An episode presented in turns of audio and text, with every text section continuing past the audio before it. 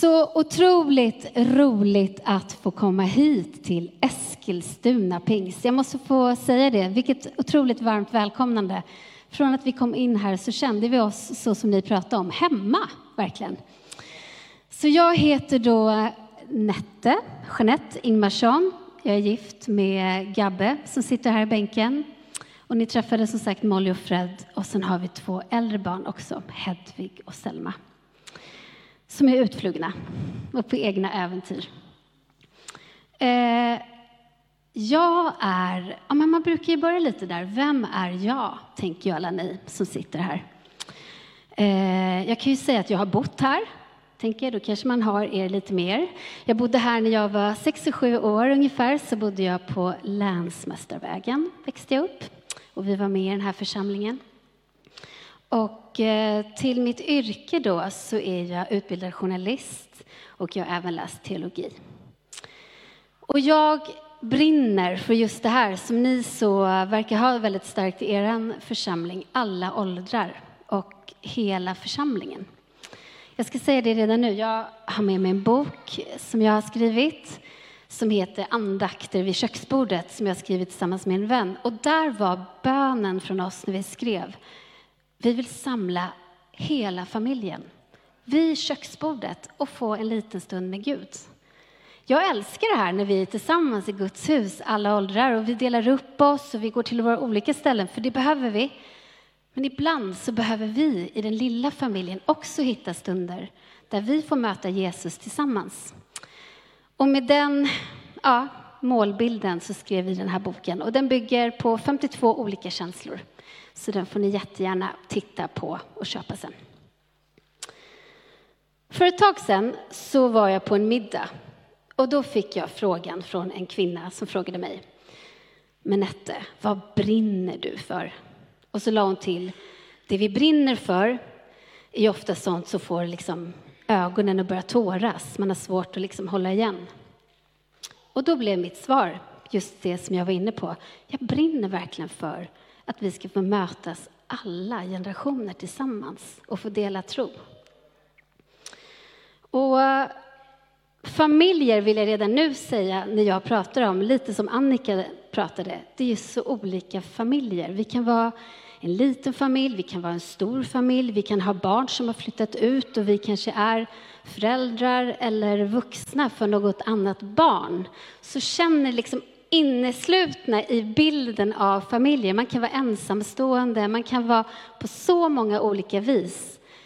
Men familjer är vi på olika sätt.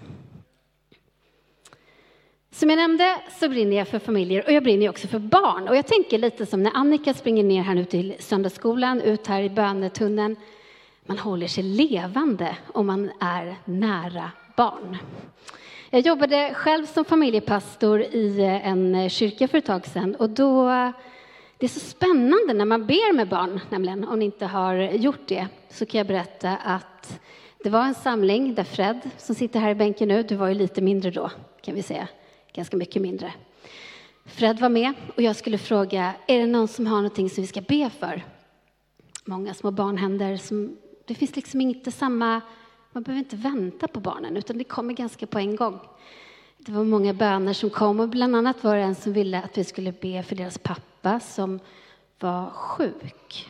Och då ser jag samtidigt som vi tar fram det bönämnet att Fred liksom bara spricker hela honom. Jag bara inser, okej okay, nu, nu vill han också hitta en bön här. Så du räcker upp handen och jag frågar, Fred, vad vill du be för? Så säger du, jag vill be för min pappa att han ska få mer hår. Det har inte svarats på än. Kanske var tur. Så det är härligt att få leva och dela tro med barn. Eh, som det nämndes så har vi en podd tillsammans, jag och Gabbe.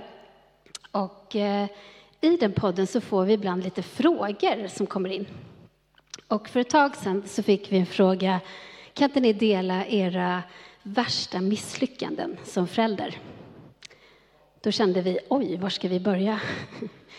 Eh, det finns ju så mycket man som förälder kanske känner nu, särskilt när man har större barn som har flyttat iväg just det, vi skulle gjort det på det viset. Eller, ja. Så vi nämnde ju någon story där, vet jag. Vi hade tappat bort ett barn på Ikea, bland annat i Shanghai. Det var inte så jättebra. Eh, och eh, kanske att man har blivit lite för arg ibland. Men jag tror att ni alla här som har haft barn omkring er kan känna igen er just i det. Det är ganska lätt att känna att man inte alltid har gjort allt rätt. Och att man inte alltid haft det där tålamodet som man önskade. Jag tror ibland att vi har en bild av en familj på ett litet idylliskt sätt. När jag var liten så tittade jag på en serie som hette Lilla huset på prärien. Det är ju jättelänge sedan, nu fattar ni hur gammal jag är. Men är det någon som känner igen Lilla huset på prärien-serien? Ja, men det är några där som är med mig. Det var ju en väldigt idyllisk serie kan jag berätta för er som inte då tittade på den. Det var lite så mysigt, eller hur? Det var lite härligt, skrattigt och var det någon konflikt så var det med ett leende typ och sen satte man sig vid middagsbordet och bad tillsammans på kvällen. Och det var en väldigt mysig bild av familj. Och där tänker jag ibland, ja, är det vår bild av familj? När Gabbe och jag gifte oss så hade vi en ganska klar bild, både du och jag, av hur vår relation och hur vår familj skulle vara. Och man kan säga att vi krockade ju ganska bra, för våra bilder stämde ju inte riktigt överens. Det blev en rejäl smäll på Ikea, sån basic sak. Vi hade världens bråk över en färg på en badrumsmatta för att det var väldigt viktigt för oss i början. Och vi, hade så oli- vi kom ju för olika familjer, olika bagage, olika sätt att se på saker. Vi försökte förändra varandra ganska mycket tills vi kanske insåg att vi kanske kan dela lite med våra olikheter och se det som en bonus och en välsignelse, eh, det vi har tillsammans. För det blir ett väldigt otroligt bildspel. Och det kan jag säga, det jobbar vi på än idag. Men just det där att man förändrar och eh, ser det som en välsignelse, helheten som familj. Om ni nu skulle se alla våra fyra barn här, eh, Hedvig som är 22, Selma som är 20 då, och Molly och Fred, så skulle ni liksom alla bara, oj, vilken perfekt familj. De ser helt, det ser så bra ut allting. Och det är ju inte hela sanningen, det vi ser. Och jag tänker att det gäller ju i alla familjer. Bilden förändras. Eh, det kommer in eh, sjukdomar, det kommer in barn som har svårigheter. Det kommer in saker i vår tillvaro som gör att bilden inte alltid är så som vi tänkte det från början. Ibland kan jag tänka att vi, när vi håller uppe den här perfekta bilden, så är det så lätt att man känner att man aldrig håller måttet. Att man, man, blir så, man får så otroligt dåligt samvete och känner att man inte räcker till och lite fastnar i det. Om vi tittar på Bibeln dykte jag ner i lite och så tittade jag lite så på olika familjesituationer i Bibeln och ja, men som Adam och Eva har vi ganska tidigt. Eh, de hade en son som eh, gjorde rejält illa en annan son. Vi har ju David och Josef. Josef och hans bröder. Det var inte så jätteskön familjekemi där när de slängde ner Josef i en brunn. Och David som inte heller hade det lätt utan också betedde sig illa mot en nära vän. Och när jag satt och läste lite om de här olika situationerna, familjerna, människorna i Bibeln så kände jag sånt otroligt stort hopp. Jag kände sånt hopp i att Gud använder inte perfekta människor. Utan han använder, han använder mig. Och han använder dig.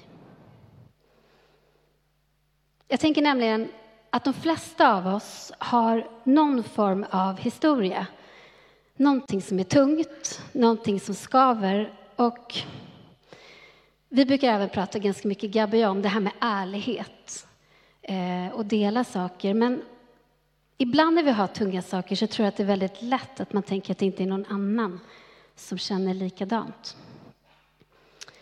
Eh, när vi bodde här i Eskilstuna så bodde vi först ute, utanför här i Härad i Strängnäs. Och där växte jag upp med min mamma och pappa. Min pappa var polis då och min mamma var, jobbade som fritidspedagog. Och jag fick en lilla syster som hette Eleanor. Men en morgon när hon var nio månader gammal så vaknade inte hon.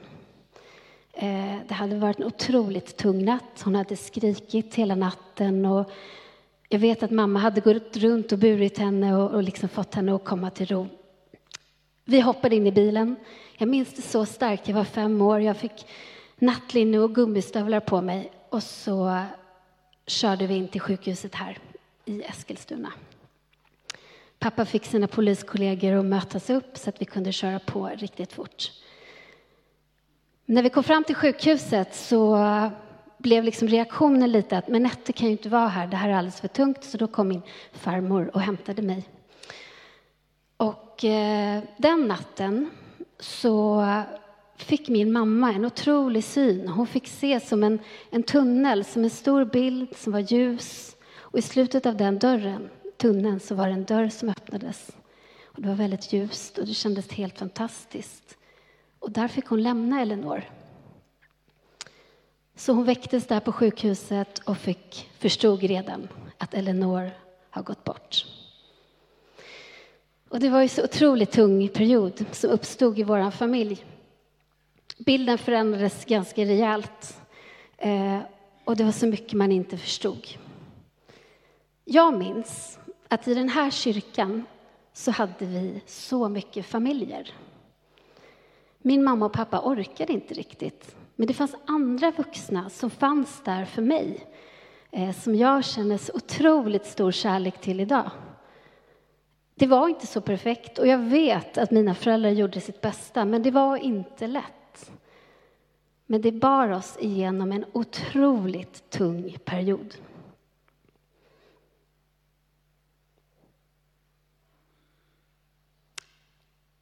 Jag tänker just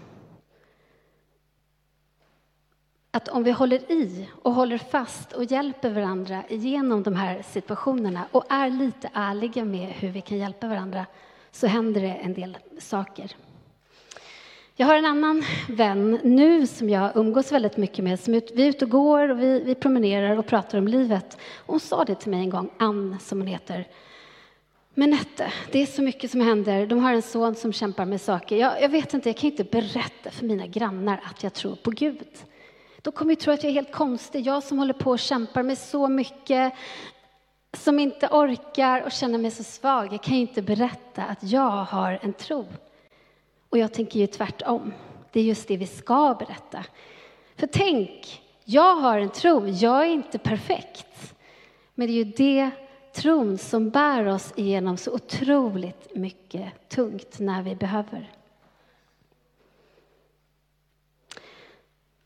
Jag tänker ibland, låt oss ännu mer dela våra ups and downs, som jag brukar säga till våra barn. Dela det som känns, det som inte känns och verkligen också dela det stora i vår tro på Gud. Och min önskan som mamma har jag gått och tänkt på, det är kanske inte att mina barn ska prata om vilken otrolig förälder jag är.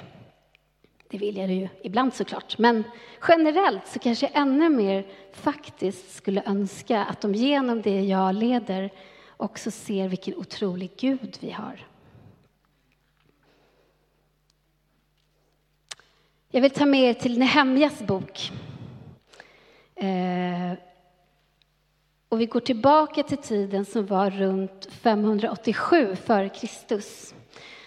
Det här var när babylonierna hade tagit sig in i Judeen och förstört staden Jerusalem. Och de hade rivit ner Salomos tempel. Och det var tredje tillfället som staden invaderades och revs ner. Någonting gör att folket inte bygger upp templet igen.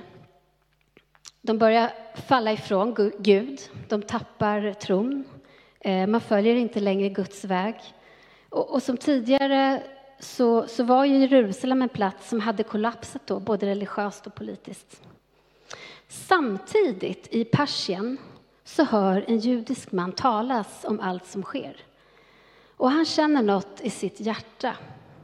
Han känner något så starkt så han började gråta. Han var inte någon som vanligtvis gråter, vill jag lägga till. Men det här ödet kring Jerusalem, det drabbade denna Nehemja så oerhört hårt och djupt. Han ber och han fastar för sin nation och för sitt folk. I Nehemja 1 och vers 4 så kan vi läsa.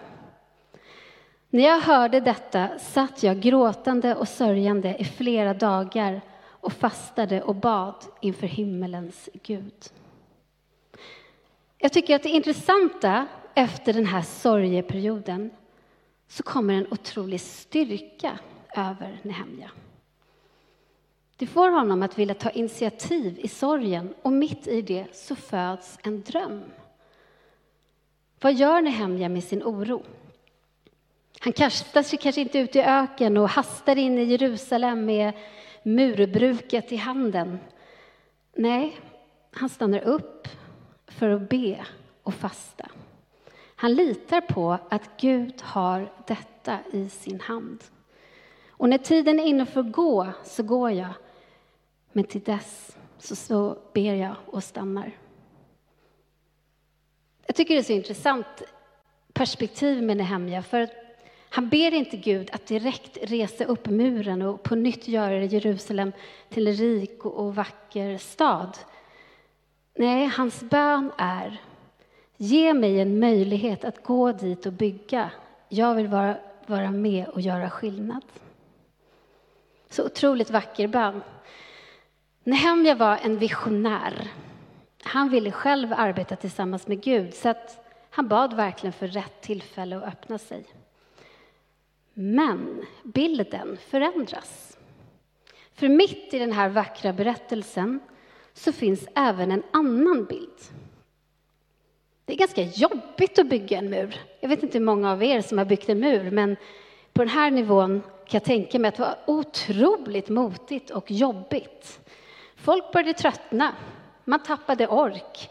Även fast visionen var där och den var tydlig så kändes det bara rätt surt. Nehemja, han samlar alla då kring en helt ny idé och den kan vi läsa om i Nehemja 3 och 14. Bredvid dem arbetade Shalom, Haloshets son, ledare för den andra Jerusalemområdet. Han och hans döttrar ja, han och hans döttrar, förlåt. Dalporten reparerades av Hanun och invånarna i Sanoak. De byggde upp den och satte in dörrar med lås och bommar. Dessutom reparerade de tusen alnar av muren ända fram till dyngporten. Malika, Rekvas son, ledare för eh, Hakerem-området, reparerade dyngporten. Han byggde upp den och satte in dörrar med lås och bommar. Vad jag vill visa med det här bibelordet är visionen blir personlig för var och en när de fick sin familj med sig. Det kom ny kraft när de fick jobba tillsammans sida vid sida. Och Gud bestämmer sig för att visa sig genom varje familj. Och han kan använda varje familj på samma vis idag.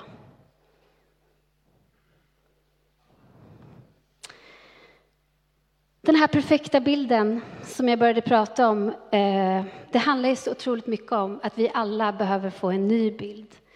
Ibland håller vi väldigt krampaktigt tag i saker och ting som är tungt. Eh, och vi kanske inte riktigt vill släppa det. Eh, och som jag nämnde så vet jag verkligen hur tufft det är. Jag vet vad rädsla gör med en, jag vet vad oro gör med en och jag vet att det gör en totalt paralyserad. Men jag vet också att Gud är stor och han vill hjälpa oss att ta oss igenom saker. Och där med familj, när vi, vi hade en annan situation i vår familj eh, som var ganska tung. som jag inte kan berätta för mycket om idag, men kanske någon dag. Men det var en oerhört tung situation, så vi behövde dela med Hedvig och Selma. Det skulle påverka dem, eh, det som skedde runt omkring oss. Jag och Gabbe delade det som hände och det var inte lätt. Vi var ganska ledsna och försökte liksom bita ihop i att dela det här. Jag minns det så starkt. Hedvig var tio år. Tittar jag på dig här, lite hjälp. Tio år. Och eh, hon säger till mig och Gabbe, mamma och pappa, det är lugnt. Jag känner att Gud är med oss. Han har kontroll. Och så bad hon för oss. När vi inte hade ord och tårarna bara hade tagit över så kunde Hedvig finnas med och ge oss tro i att Gud var med, även om det kändes väldigt omöjligt. Så vi kan verkligen få hjälpa varandra som familjer.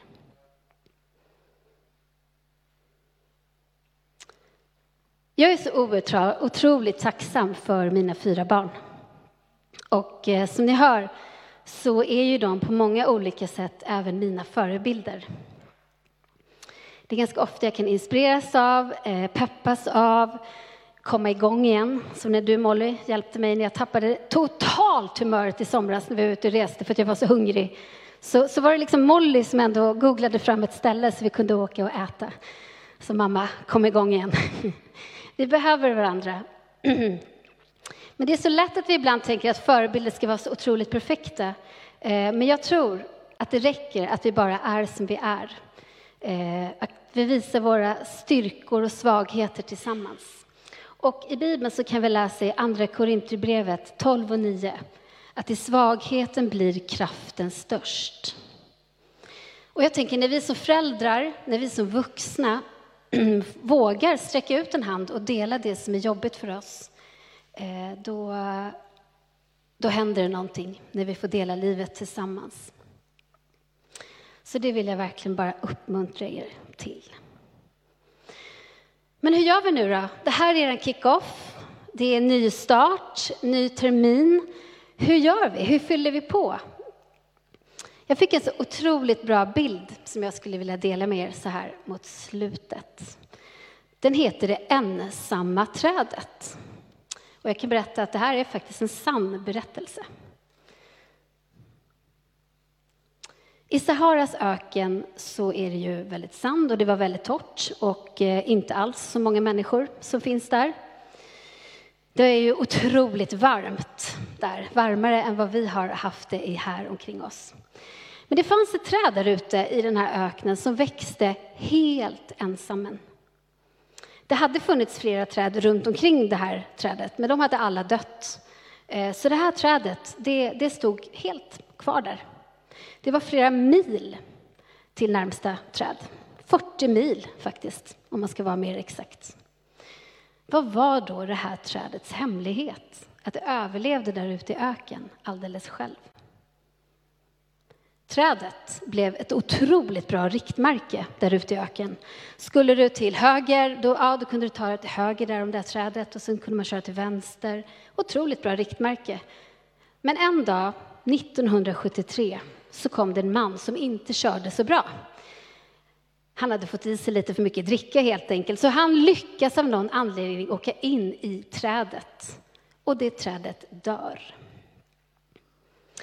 När trädet dog så var det väldigt många som var så otroligt nyfikna på hur kunde det överleva där mitt ute i öknen.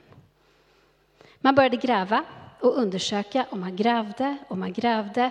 Och när man hade grävt 30 meter, då hittade man vatten. Trädet hade sina rötter så otroligt djupt nere.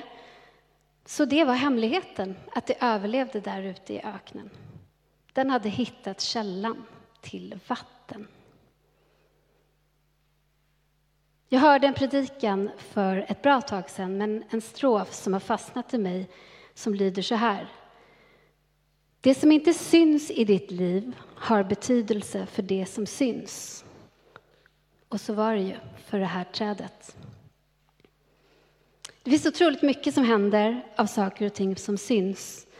Eh, och vi jämför oss, och det gäller ju även familjer och relationer och så vidare.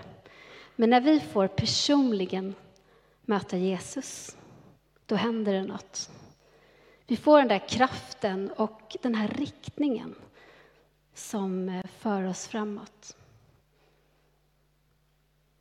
Så, jag tänker liksom inledningsvis så pratade jag om vad jag brinner för.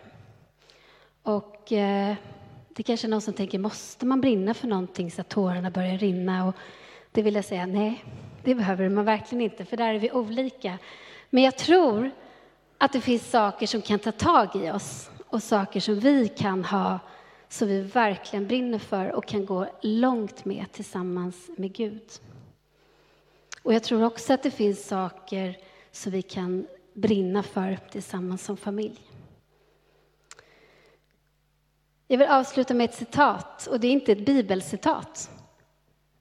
Men det är faktiskt från Jan Eliasson när han jobbade i FN med att försöka förändra saker och ting. Då sa han, om man ska övertyga och nå framgång, då måste man brinna för det man arbetar med. Det ljumma når inte fram. Så, där vill jag bara uppmuntra er alla, där ni befinner er på olika sätt. Vad brinner ni för? Vad brinner ni för tillsammans som par? Så I era relationer eller olika konstellationer. Det kommer komma en stund här då vi alldeles strax ska få förbön. Och känner man att vi vill fylla på, vi vill fylla på med vatten till den här källan. Kanske man vill fylla på tillsammans som par, eller så vill man fylla på för egen del. Men jag vill verkligen uppmuntra till det. Det händer någonting när vi får personligen fylla på med Jesus. Vi ber tillsammans. Tack Jesus att du är nära oss, Herre.